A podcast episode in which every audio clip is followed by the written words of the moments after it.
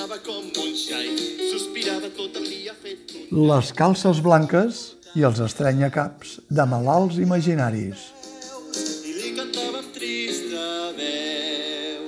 Si m'estimes viuré, pe, pe. Si no m'estimes moriré. És important que programacions com la del jove Teatre Regina es porguin en el calaix dels clàssics per continuar endreçant i posant, tal com cal, les coses en el seu lloc.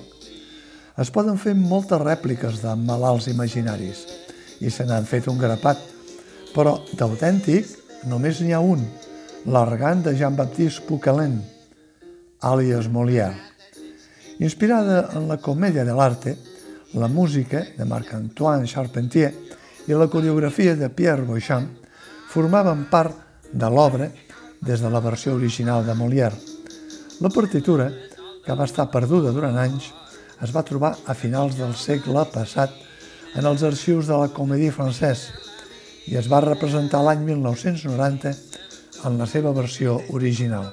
Per tant, no és estrany que, continuant amb la línia de la companyia La Trepa, la presència musical i les fugaces intervencions coreogràfiques tampoc no hi faltin, ni que sigui adaptades a la versió reduïda de la casa. Una versió recuperada d'un dels clàssics del jove teatre Regina, un dels més significatius de la maduresa de la companyia La Trepa, que respecta la majoria de personatges de l'obra i que esquematitza les escenes més importants que requerien la trama del malalt i ric, senyor Argan. La muller, que espera amb candeletes que se'n vagi a l'altre món per tocar-ne de calents de l'herència. L'amor que sent la filla pel seu pare i el dilema que viu la noia entre el jove que estima i el jove poca solta amb qui el seu pare voldria que es casés per poder tenir el metge de franc. La companyia ha optat per una obra que requereix que els espectadors primerencs tinguin una certa noció de raonament del que està passant a l'escenari. Altrament, l'anècdota es pot quedar només en la dèria de la malaltia i les escenes més vivaces, més còmiques, més de la comèdia de l'arte. L'embolic dels pretendents passa més per alt dels espectadors massa petits.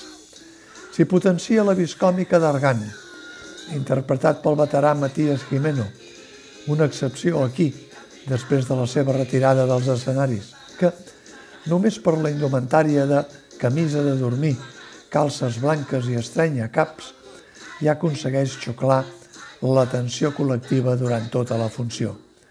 Ben mirat, Argan seria, per un sistema públic com el de la Seguretat Social, una veritable xacra i potser una de les estrelles del programa documental Històries de la primària, que ha mostrat la realitat del dia a dia dels professionals de la medicina en diferents àmbits socials.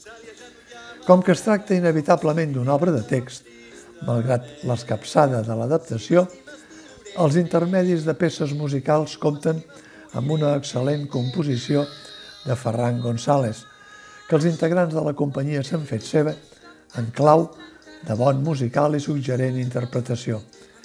I per fer honor a la intenció de Molière, alleugereixen el que podria ser un petit llast per a segons quin segment d'espectadors i permeten centrar la sinopsi més coneguda. Ric malalt, engalipat per metges que només s'hi fan l'agost amb les medicines. L'obra comença amargant repassant precisament una factura mèdica. Enganyat per una segona dona que cobeja la seva riquesa i amb moralitat final. Qui es fa el mort pot arribar a descobrir la veritat dels que l'envolten i obrar en conseqüència i amb justícia. La vida, que sigui